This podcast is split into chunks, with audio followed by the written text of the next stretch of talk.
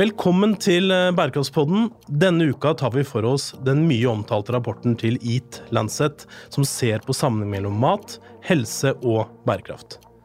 Vi varmer også opp til årets eh, World Economic Forum med slagordet 'Globalisering 4.0'.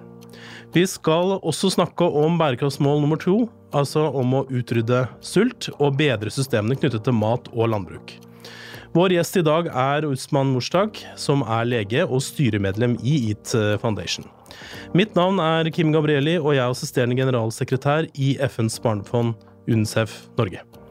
Vårt oppdrag er å sørge for at hvert barn overlever, vokser opp og får sine rettigheter innfridd.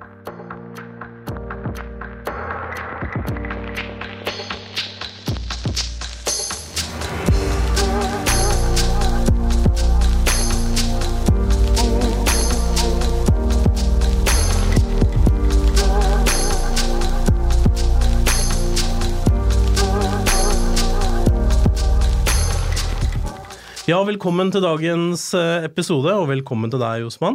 Tusen takk. Eh, I dag har vi bare én gjest, og det er jo fordi at uh, liksom EAT-rapporten har fått så mye oppmerksomhet at vi tenkte at her satser vi på at en fra EAT kan forklare oss hva den handler om. Um, men før vi kommer dit, og til bærekraftsmål nummer to, så tenkte jeg jo egentlig at du skulle få si litt hvem du er. altså, Vi har jo allerede hørt at du er lege og ja. styremedlem. Jeg vet ikke, Er det styremedlem som er riktig i EAT Foundation? Vel, det engelske korrekte ordet er trustee. Eh, men, eh, men, det jeg gjør til daglig, er at jeg er eh, lege på Ahus. Og så sitter jeg også i styret til Unicef Norge. Og det er jo hyggelig å være gjest her. Og det er hyggelig at jeg er også alenegjest, for da får vi bare mer tid til å prate. Ikke sant? Det høres bra ut, men du har også andre erfaringer. For jeg, husker første gang jeg leste om deg, av en veldig ung utgave av Osman, da, eh, som tok over litt for Gunhild Stordalen når EAT eh, Når hun sikkert var, på, var borte da og ikke kunne jobbe en periode? Ja, det var eh, Ja, altså jeg har jo vært med EAT siden, um, siden jeg startet i 2013. Um, og, hatt, og, jeg har hatt uh, muligheten til å ha mange ulike roller. Uh, og også hatt jobb og sittet i advisory board og gjort masse ulike ting. Og før den tid, når jeg var medisinstudent, så var jeg svært aktiv i den internasjonale medisinstudentforeningen. Jobbet en del med da Eh, global helse eh, og miljøspørsmål. Og så har jeg også lest at du har vært eh, delegat til FNs generalforsamling, kan det stemme? Ja, jo, det ja. stemmer. Det, det, var jeg også for LNU. og det var, det var, en veldig fin måte å bli kjent med ung, altså barn- og ungdomsproblematikken i verden på. Så bra. Da har i hvert fall lytteren fått litt mer kjennskap til hvem du er, da. har du noe fritid noen gang? Jeg lurer på det, for jeg hører liksom veldig mange ting her. Eh, og det er jo ikke bare bare å være legestudent og kanskje turnuslege nå. Ja, eh, turnuslege. Ja. Ja. Um, nei, det er, eh, det, det, er lite med fritid, men det går litt i bølger. Og, uh, så, så det, er, det, hender at det blir noe ferie av og til, faktisk. Uh, og jeg syns det er bare hyggelig å jobbe. Jeg må jo holde meg opptatt. ikke sant, så bra. Det er noen som Jeg pleier å si at, at det liksom selve grunnen til å leve er at noen venter på en. På en. Ja. Og det er jo ikke alle som er så heldige at det alltid er noen som venter på deg, men jeg tror du er kanskje er en av dem som har den, eh, den muligheten. Mm. Um, men la oss da sakte, men sikkert gli inn uh, i neste, altså i hovedtemaet i dag, og det er jo da bærekraftsmål nummer to og alt som er liksom rundt det. Bærekraftsmålet har jo flere delmål, selvfølgelig, og vi skal konsentrere oss da først og fremst om Eh, for det heter jo da liksom, eh, utrydde sult, men det er mye mer enn det. Det er liksom kortversjonen, da. ikke sant? Men det handler jo også om, eh, om ernæring, mat, bærekraftige systemer for landbruk og produksjon. Hva, hva tenker du er på en måte det viktigste med bærekraftsmål nummer to, da, hvis du kan si det sånn? Ja, altså det aller viktigste med bærekraftsmål nummer to er at den går bort ifra tenkningen om at, eh, om at vi, skal, vi, kun skal gjøre en enkel oppgave eh, i utviklingsarbeidet, og det, det, er å utrydde eh, underernæring. Fordi vi har nå også sett at i løpet av de siste tiårene så har eh, feilernæringstilstander som f.eks. Eh, overvekt, eh, både blant voksne og barn, økt ganske kraftig. og det å takle feilernæring generelt er blitt et veldig viktig tema for de aller fleste landene, også mellominntektsland, egentlig. Um, og, og det å også fokusere på bærekraftige måter å produsere maten på, det å linke de to tingene sammen, tenker jeg er et, var i 2015 et veldig stort steg i riktig retning. Før den tid så var det ikke alltid den koblingen ble gjort. Samtidig så er det jo kanskje et paradoks. for altså i, i, 2014 så, så, hadde man jo da sett at tallene på det som kalles for sult, eller det, altså at man ikke får nok mat, rett og slett. At man er underernært, at tallene hadde gått i riktig retning i mange år. Så da i 2014 så var det jo da 795 millioner, det er ganske mange mennesker, som mm. la seg sultne om kvelden, eller som led av underernæring, da. Eh, og det hadde jo da gått i riktig retning som de fleste andre av sånn tusenårsmålene, for det gikk jo i riktig retning. Men dette er jo et av eksemplene på bærekraftsmålene som går i feil retning. Så nå har vi satt nesten ti år tilbake. Da er det 821 millioner som legger seg sultne om kvelden. Så det var jo, ikke sant, I 2014 så, så vi behovet, for det var jo nesten den gangen 800 millioner som, som sant, må få mat. Mens i år er det tallet enda høyere. Så er det sånn at vi ikke klarer å stoppe den utviklingen? Jeg vil jo betegne denne utviklingen som et av de største stille katastrofene vi opplever. Altså det at uh, antallet av folk som sulter i 2018 og i løpet av de siste tre årene har økt, er uh, bare ikke, ikke, akseptabelt. Men det er, uh, det, er, noe vi ikke burde kunne leve med. Um, og, og, selvfølgelig noe som krever um, tak fra det internasjonale samfunnet. Bak de tallene så ser vi at mye av økningen skyldes egentlig krig og konflikt eh, og ekstremværshendelser. Og de to i kombinasjon fører da til at, eh, at vi da ser en, eh, en, en, en, økning i folk som både sulter og lider av kronisk underernæring. Både barn og voksne. Ja, for Det er det samme bildet som vi pleier å snakke om. ikke som at det store bildet fra 1990 er at vi blir rikere, vi blir smartere, altså vi flere gå på skole, vi får bedre helse, vi blir sunnere. Eh, samtidig som de trendene som du pekte på nå, eh, mer konflikt, klima, men også ulikhetskrisen, hvis vi kan kalle det det, forskjell mm. mellom de rikeste og de fattigste, øker. Og det utfordrer jo akkurat det bildet, og her ser vi at særlig klima og konflikt gjør det, da, ikke sant. Mm. Um, men så vil jeg gjerne se litt bak de, bak de tallene også, fordi at um, altså Som FNs barnefond så er vi selvfølgelig opptatt av at barna um, Barna må stå i sentrum, for det er jo de som er de som for det første er de mest sårbare i dag, men som også er endringsagenten, hvis vi kan kalle det, for framtida. Mm. Så eh, dette vet sikkert du også ganske mye om. Hvordan er det egentlig Kan ikke du snakke litt rundt det med ernæring for barn? For det gjelder jo Norge òg. Altså, kom, det kommer stadig rapporter om at eh, barn i Norge er overvektige. Mm. Eh, hvordan, ja. hvordan, ser det egentlig ut? Det er kanskje litt tøft å få spørsmål om nei, nei. hele verdensbildet, men ja, ja. Det, det, som er ganske overraskende, er at uh, det vi ser, er en persisterende form av underernæring blant barn. Persisterende, det må du ja, altså klare for oss. At, at det vedvarer, eh, og at eh, tallene synker eh, ikke så fort som man ville ha det til. Eh, og spesielt også i mellominntektsland som har, ut, som har opplevd en ganske sterk økonomisk utvikling, som f.eks. Indonesia, så ser vi fortsatt at eh, mellom en tredjedel og en fjerdedel av barna er eh, for kortvokste for deres alder, altså noe som heter stunted. Um, og, det, og, det, samme bildet ser vi egentlig i ganske mange land. Så, så, så det at uh, det finnes ca. 150 millioner barn uh, som lider av kortvoksthet, um, er et relativt stort problem for de samfunnet de lever i. Rett og slett fordi at det også fører til en Um, en livsvarig påvirkning, um, kognitiv utvikling spesielt i den perioden, men da også en livsvarig påvirkning på kroppen deres. Ja, for, liksom, for, Det der er veldig interessant, og ofte så har vi hørt om at liksom, det er kortvokst, hva betyr det? Men det er viktig å huske på at også hjernen på et vis mm. blir kortvokst. ikke sant? Så, mm. ja, vi har jo prøvd å oversette dette stunted til norsk, og da er det eh, nærmest man kommer er kanskje stumpa på et vis. ikke sant? Må liksom blir ja. avkorta. fordi ja. at vi vet jo, altså Det er i hvert fall mye forskning som, som tyder på at de tusen første dagene av et barns liv, altså den perioden man er i, i mors liv, og da de to første årene, uh, legger veldig mye av grunnlaget for mm. uh, hvordan hjernen utvikler seg, hvordan den kognitive evne, som du sier. og det er klart at det er det som bekymrer oss kanskje aller mest, ved at det er så mange barn som ikke får ernæring, og den, den utviklingen de trenger. da. Mm. Og det er klart, det har jo veldig store følger, for hvem er det som skal bygge verden framover? Ja. Eh, Det er barna. Ja, og så Et annet element med det også er jo at eh, forskning viser jo egentlig ganske klart at barn som lider av kortvoksthet, eller stumphet, eller jeg vet ikke hvordan du vil betegne det, Nei, eller er stunted, ja. eh, som, som det heter på engelsk, eh, de gjør det også dårligere eh, på skolen. Eh, og, og et annet element ved dette er jo at eh, barn som er underernærte, de har et endring i deres metabolske system, endokrine metabolske system, som fører til at de er mer disponerte for å bli overvektige når de blir eldre. Så, så, så det vi ja, ser nå, er en dynamikk hvor f.eks. det finnes familier eh, hvor det er barn som er underernærte, og relativt litt voksne eldre barn eh, og, og unge voksne som, som begynner å bli overvektige. Så det betyr at hvis man er underernært eh, eller ikke får nok, eller feilernært da kanskje, når man er liten, så er man mer utsatt for å bli overvektig når man er eldre, eller det, voksen. da. Det stemmer. Og det heter Ah. double burden of malnutrition. Altså en sånn dobbeltbyrde av, eh, av feilnæring.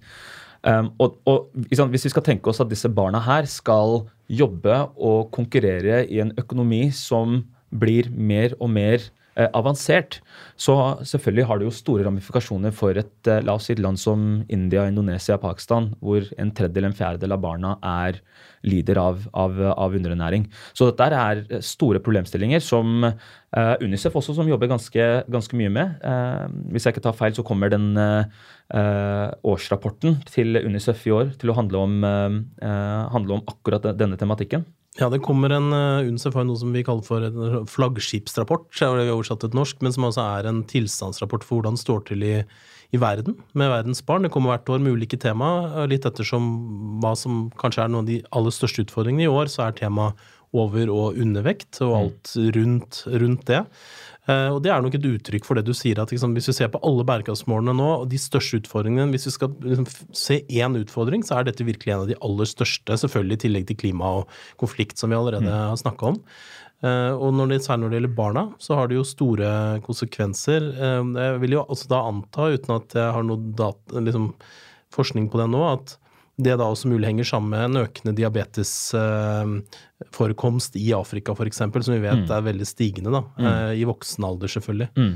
Ja, altså, Jeg kan jo bare kort si at uh, akkurat når det kommer til uh, Unicef-rapporten, så er vi i IT i hvert fall veldig glad for uh, det samarbeidet vi har hatt med Unicef internasjonalt. Eh, med Children Eating Well-prosjektet, altså CHU, veldig fin forkortelse. eh, hvor vi ser nå at eh, Unicef leder an blant med andre multilaterale organisasjoner som da tar denne problematikken og nyanserer det, og går da virkelig inn i dybden på å se ting i helhet. Fordi, som du sikkert husker, det vi pleide å gjøre i tusenårsmålsæraen, var jo at det var veldig målrettede eh, interventions, eh, eh, målrettede tiltak mot, eh, mot enkeltproblemstillinger. Og nå ser vi ting litt mer i, mer i helhet. Men når, når det kommer til eh, diabetes blant barn, det eh, husker når Altså overvekt og diabetes blant barn. Jeg husker at spesielt type 2-diabetes, som heter livsstilsdiabetes. Jeg husker når vi gikk på skolen, eh, altså medisinstudiet tidlig eh, for bare kanskje syv-åtte år siden, eh, så var det beskrevet som en raritet. Altså Det var ikke så ofte du møtte en, eh, et barn som lider av diabetes type 2. Eh, nå, i veldig mange land, så har det jo blitt relativt vanlig. Eh, vi ser Ja. at eh, i I, I Norge også? Eh, i, ja, altså det har ikke blitt, altså Norge så har vi en økning av overvekt blant barn. Eh, men kanskje ikke i like stor grad som f.eks. land som USA, Australia, eh, de rike Gulflandene. Eh, men det som er, det som er virkelig farlig med, med den utviklingen, er jo at vi har hatt en vi har hatt en 47% eller nesten 50% økning av barn som, som er blitt overvektige i løpet av de siste 17-18 årene. Og det tallet fortsetter å vokse. Eh, og, og, FN anslår jo nå eh, at eh, i 2022 så kan det ende opp, ende opp med å bli at det er flere barn som er overvektige enn som lider av underernæring.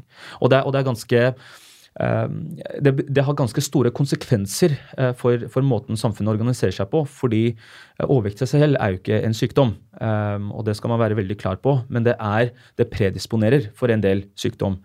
Og hvis det allerede starter fra barndommen av, eh, så har det jo enorme konsekvenser for eh, både helsevesenet og måten samfunnet vårt fungerer på.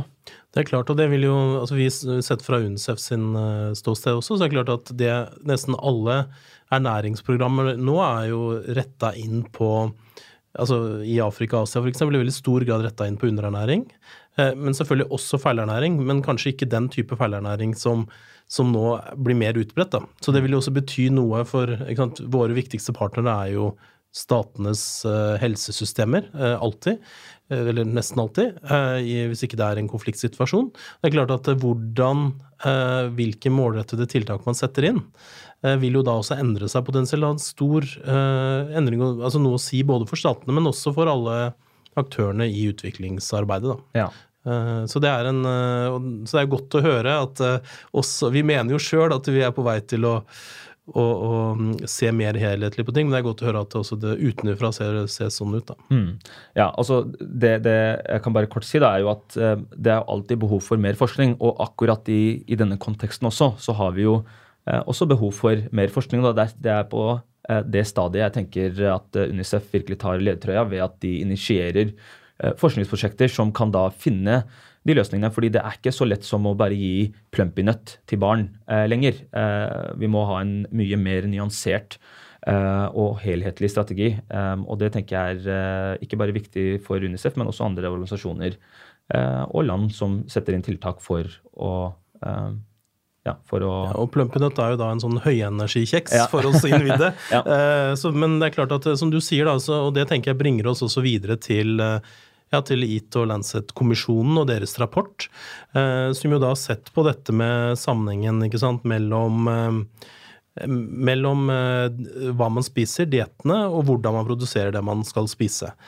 For, for, det er jo nettopp det. Ikke sant? Det, er, det er ikke så mange Det er vel riktig å si at det, det, har ikke vært så mange som har sett på den helhet, liksom hele matkjeden, hvis vi kan kalle det, fra produksjon til det man spiser og alt som ligger midt mellom, det er noe relativt nytt som EAT egentlig satte i gang. Det var, var, det det som var motivasjonen bak, eller hva?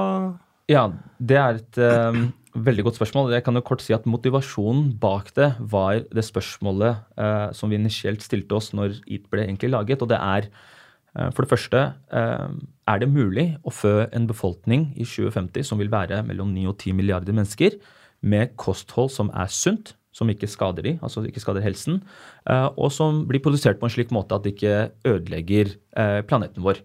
Eh, og bakgrunnen for det er jo at, som vi snakket om barn, men hos voksne også, så er det sånn at usunt kosthold er en av de ledende årsakene til død og morbiditet, altså sykdom og død, i verden.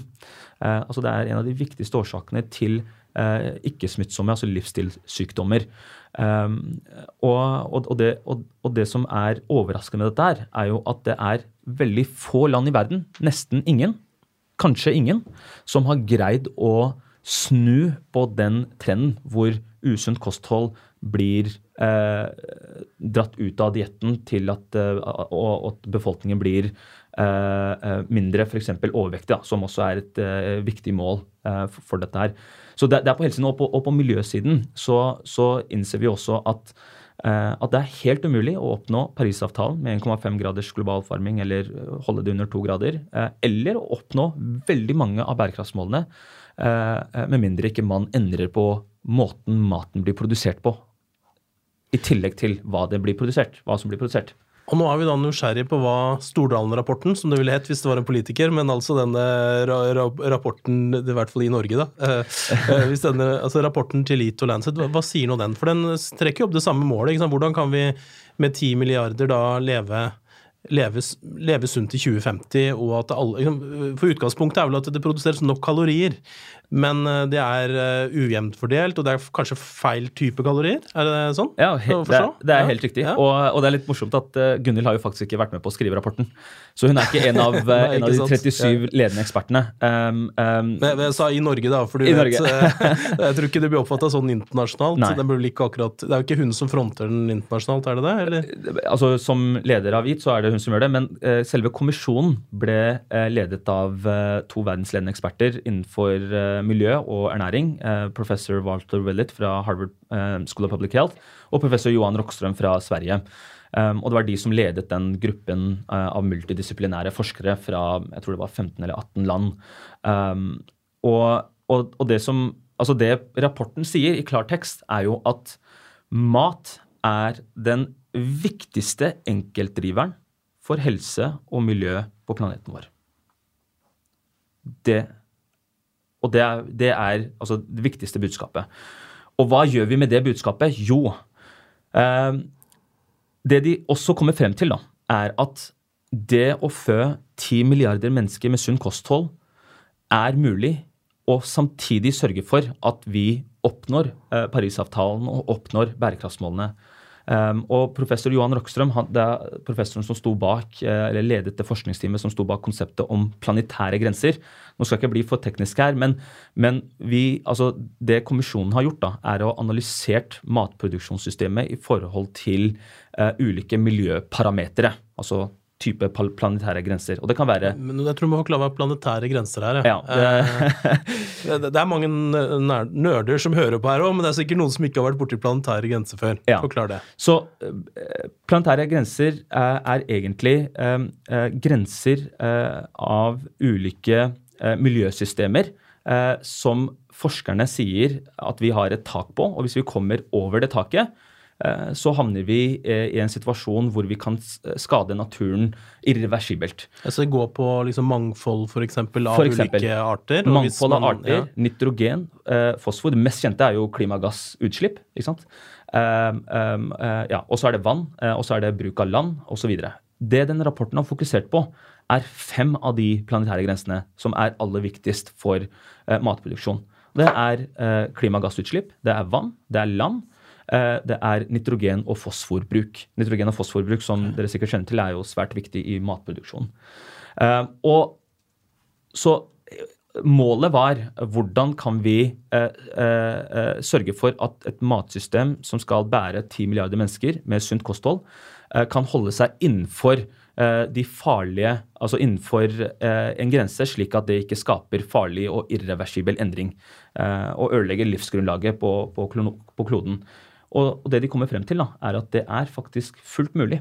Eh, okay. og, og, og, noe av eh, og er, De foreslår ulike måter dette kan oppnås på. Det aller viktigste er jo endring av kostholdet. Ja, for, fordi den, Hvis jeg forstår det riktig, så den rapporten har på en måte fem strategier da, for hvordan vi skal oppnå dette. Er det riktig? Altså Det er fem strategier hvordan vi skal komme altså både til bedre produksjon og bedre diett? Ja. Uh, ja. Ja, altså det, Jeg kan kort bare starte med å si hva man anser som eh, et riktig kosthold. Altså et sunt kosthold eh, som planeten kan bære for 10 milliarder mennesker. Ja, for vi har nå hørt at uh, kjøttprodusentene bør uh, være litt, uh, litt, engstelige. Er det ikke så? Er det én hamburger i uka bare? Ja. Ja, altså det ja. Um, ja, det er, det er, jo mye som kan sies eh, rundt uh, kjøtt, kjøttlobbyen, som har uh, drevet på ganske hardt uh, både før lanseringen og etter lanseringen. Men, men, hvis vi ser bort ifra det, da det forskning viser, Oppsummerte forskning viser, fordi det er det Lancet-kommisjonen har gjort. da De har oppsummert forskning, og så har de da drevet med noe nytt forskning. Men dette er der vi står per dags dato. Og det den sier, da, er at Uh, mennesker uh, kan Altså den globale reference-dieten, som det heter, altså den globale referansen, det gjelder ikke altså Det vil være ulikt for ulike land uh, og ulike lokalsamfunn. Mm. Men hvis du skal se det alt under ett, så er det sånn at den maner til ganske kraftig reduksjon av kjøtt, spesielt da rødt kjøtt, og sukker. Uh, egentlig de to elementene, og ganske uh, oppkraftig. Altså uh, mm. ganske mye Dobbelt så mye mer inntak av grønnsaker og frukt. Men altså, nå er jo selvfølgelig ikke kjøttbransjen vi skal kalle dem det til stede, men, men det kunne jo da bety f.eks. rent praktisk at vi får høyere Så, så ja, kjøttbransjen har ikke mulighet til å forsvare seg når du sa at de har vært lobby her tidligere, men, men det er klart at de eh, Det kunne jo bety at vi må legge høyere skatter på sukker, som vi jo allerede har vært gjennom en runde med diskusjoner mm, rundt, og, mm. og på kjøtt, kunne det ikke det? Ja, altså det, det Så vi bare tenker tenke litt høyt der, for Ja. det, det må jo få noen konsekvenser også, disse Absolutt. konklusjonene. Absolutt. Og, og hvis vi skal da se på eh, akkurat det med Vi kan starte med sukker. Eh, sukker er komplisert fordi eh, altså vi har jo sukker i nesten all mat. Eh, eh, spesielt da tilsatt sukker i sukkerholdige drikker er et stort problem. Og også da høyprosessert mat som inneholder veldig mye sukker, eh, er et av de viktigste faktorene som driver overvektsepidemien i verden, og også i Norge, egentlig. Eh, og måten man må eh, ta tak i det, er jo å finne eh, gode reguleringer. Altså bedriftene selv må, må regulere seg selv på en slik måte at de ikke pusher usunt kosthold til f.eks. barn. Der har norske bedrifter vært veldig flinke. hvor de har regulert seg selv til å ikke markedsføre usunt kosthold eller usunne produkter til barn.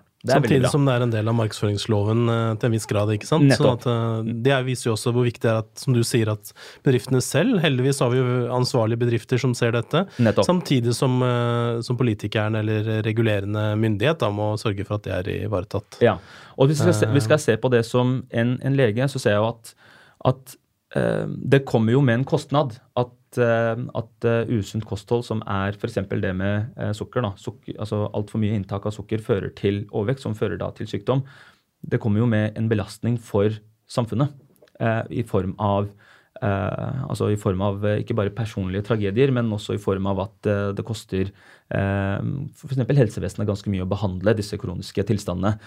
Eh, så, så skattlegging av sukker eh, Nå skal ikke, vi skal, trenger vi ikke gå inn i den debatten som har vært i Norge, det er men, lurt. Ja. men det å sette altså realkostnaden på det å konsumere f.eks. sukker kan være et viktig tiltak. Og det kan jo gjelde andre, altså kjøtt og Nettopp. salat og hva det måtte være. For eksempel, Ja, ja. Det, som, det som vi har Eh. hatt i Norge, det med eh, Som jeg mener er ganske dårlig praksis. da, F.eks. i juletider så ser vi at eh, eh, matvarekjedene driver og kriger med hverandre for å ha eh, eh, så lave kjøttpriser som mulig for å tiltrekke kunder.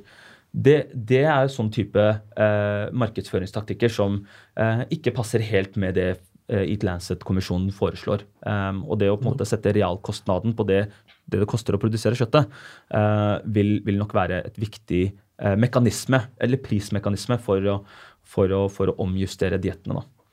Men kanskje vi skal si litt også om bærekraftig produksjon, som da på en måte er det andre beinet i rapporten. Eh, Jeg vet ikke hva du vil trekke fram da som liksom de For det er det er sikkert veldig mye man kan gjøre, men eh, hva er det noen ting man peker som særlig effektivt i, eh, i rapporten? Ja, altså Vi snakket jo i sted om disse planetære grensene som vi må holde oss innenfor. Um, og ulik, ulike metodikk eller ulik måte, intervensjon vil hjelpe for oss, for oss å holde oss innenfor disse planetære grensene. For klimagassutslipp så er det aller viktigste vi kan gjøre, er å redusere kjøttfor, kjøttforbruket ganske kraftig. Det er noen, det, må også sies at det er noen deler av verden hvor faktisk kjøttforbruket må opp.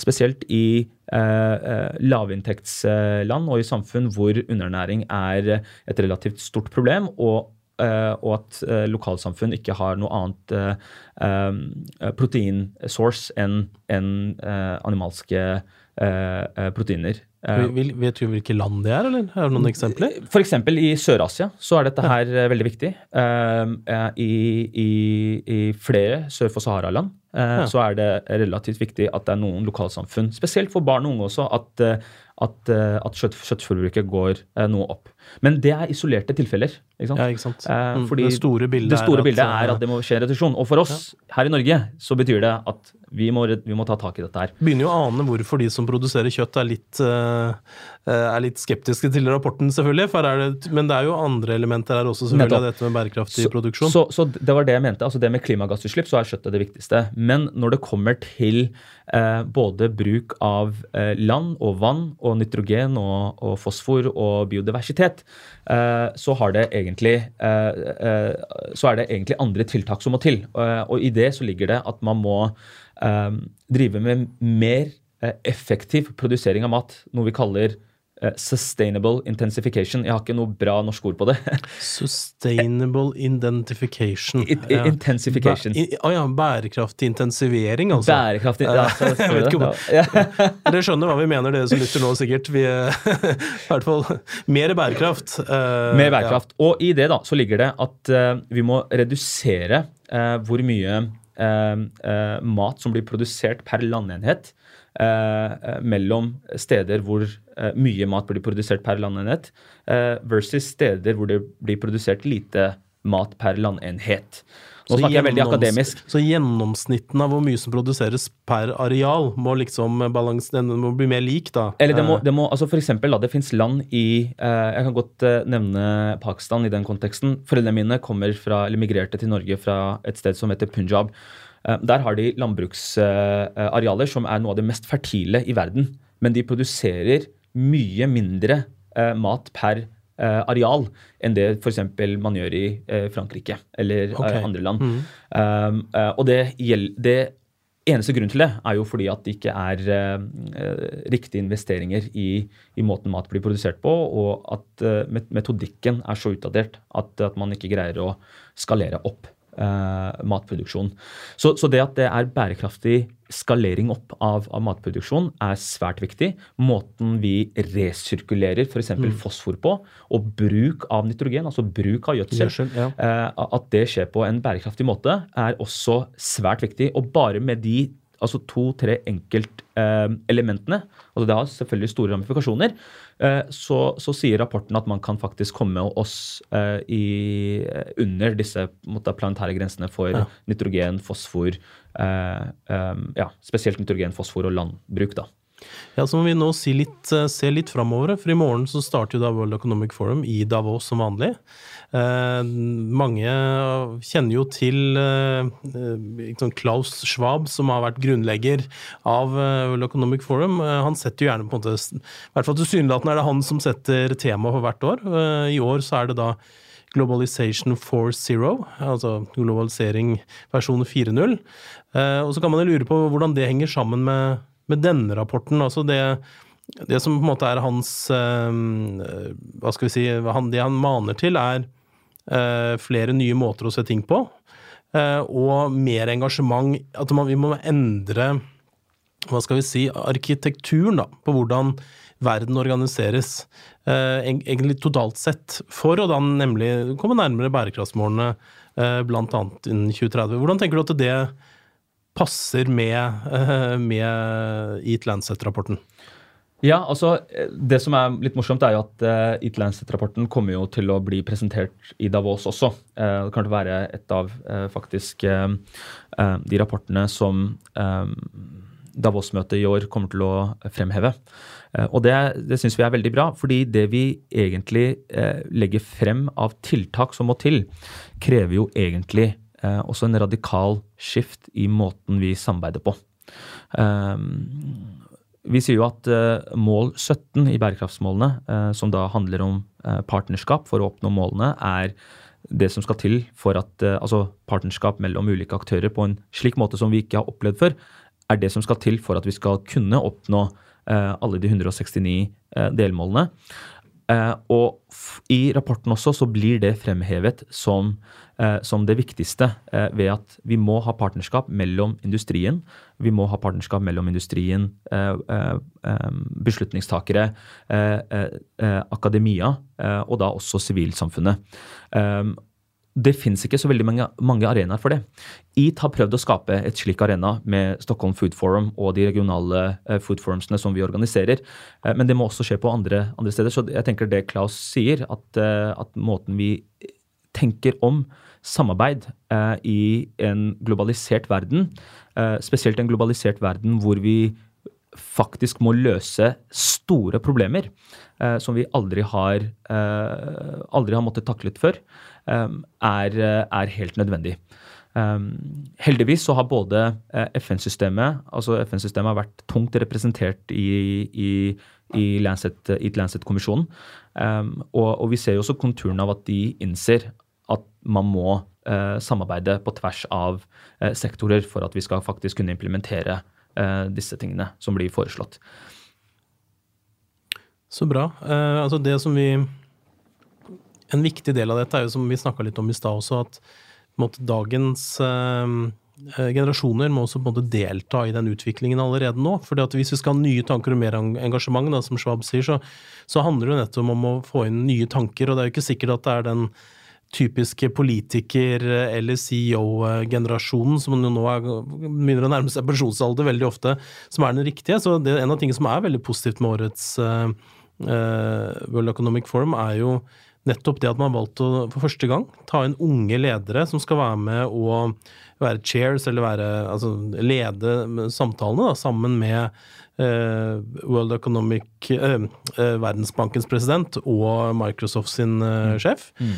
Så, så, det er en litt ny vri, og jeg, jeg tenker at kan, vi må se mer av det også. Altså En ting er å ha møteplasser for de store selskapene og for, for liksom de viktige aktørene, men hvordan vi da, hva tenker du rundt det? Hvordan klarer vi å inkludere unge og fremad Du er jo en av dem. Eh, nå er du ikke like ung som du var da du begynte Nei. hit, men, eh, men eh, hvordan klarer vi å inkludere nye tanker, gründere, eh, liksom up and coming i dette? da? For den arkitekturen må bygges av de som også skal drifte den om 20 år. Ja. Eh, ja. Altså, jeg er jo helt overbevist om at, eh, at unge mennesker har en tendens til å se være litt egoistiske og tenke på sin egen fremtid, og det vil si at de tenker i hvert fall 30-40 år i fremtiden enn det, enn det dagens eh, noen av, av våre eh, beslutningstagere gjør av og til.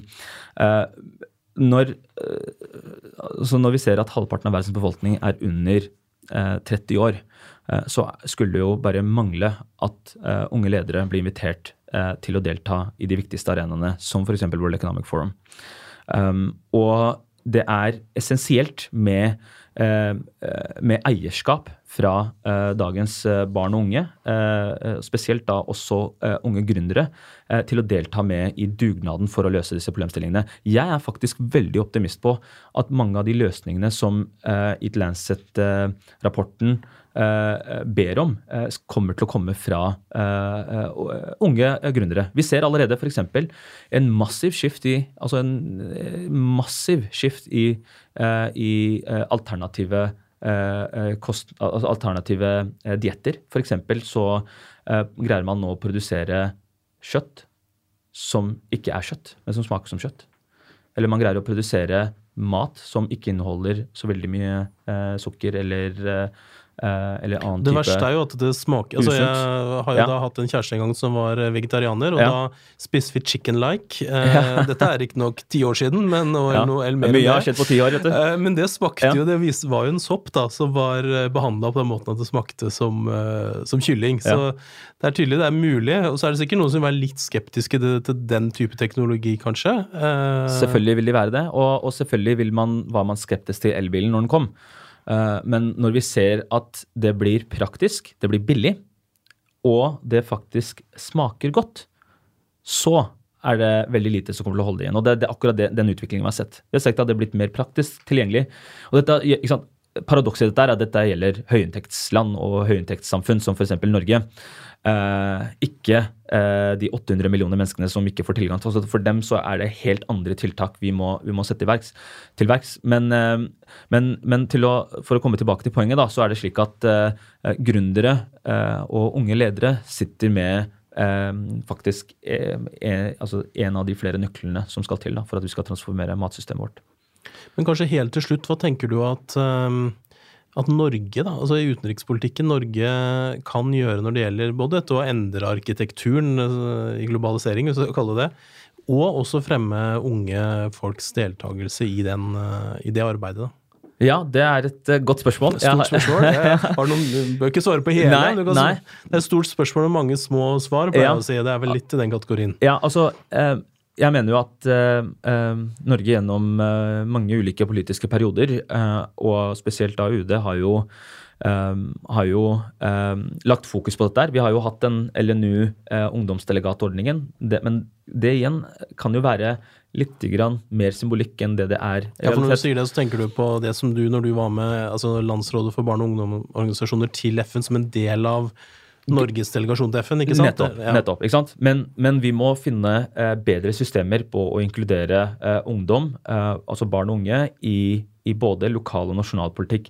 Uh, og i det så, så kan det ligge f.eks. da, et av de tingene som jeg er litt interessert i, er jo uh, at man skal ha kommunale ungdomsråd som, er, som får da en, større plass enn det de får nå mm. i mange ulike kommuner. Det kan også replikeres til på nasjonalt nivå.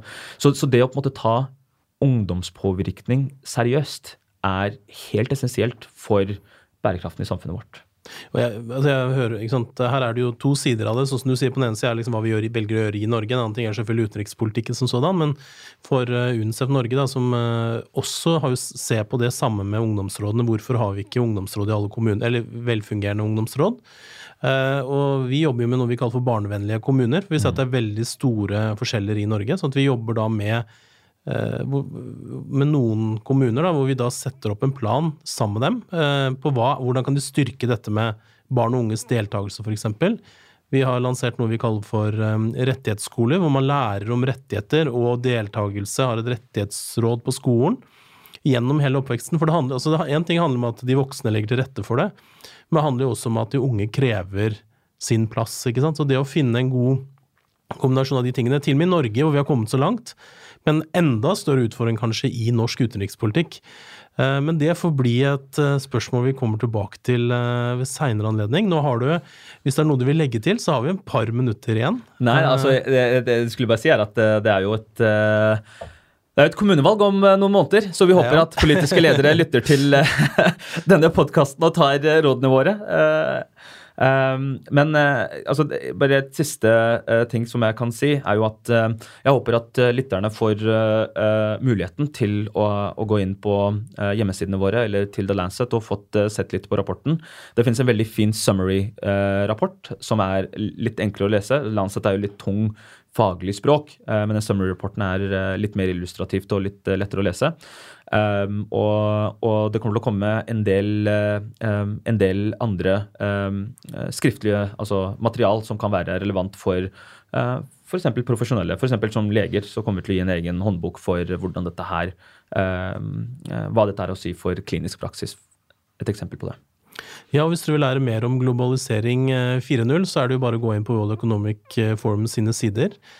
Eh, til slutt så vil jeg si at eh, UNCEF eh, Norge har selvfølgelig egne bærekraftsider. Så hvis man går inn på uncef.no slash bærekraft med æ, så kan dere lære mer om det. Og med det så sier jeg tusen takk for dagens episode.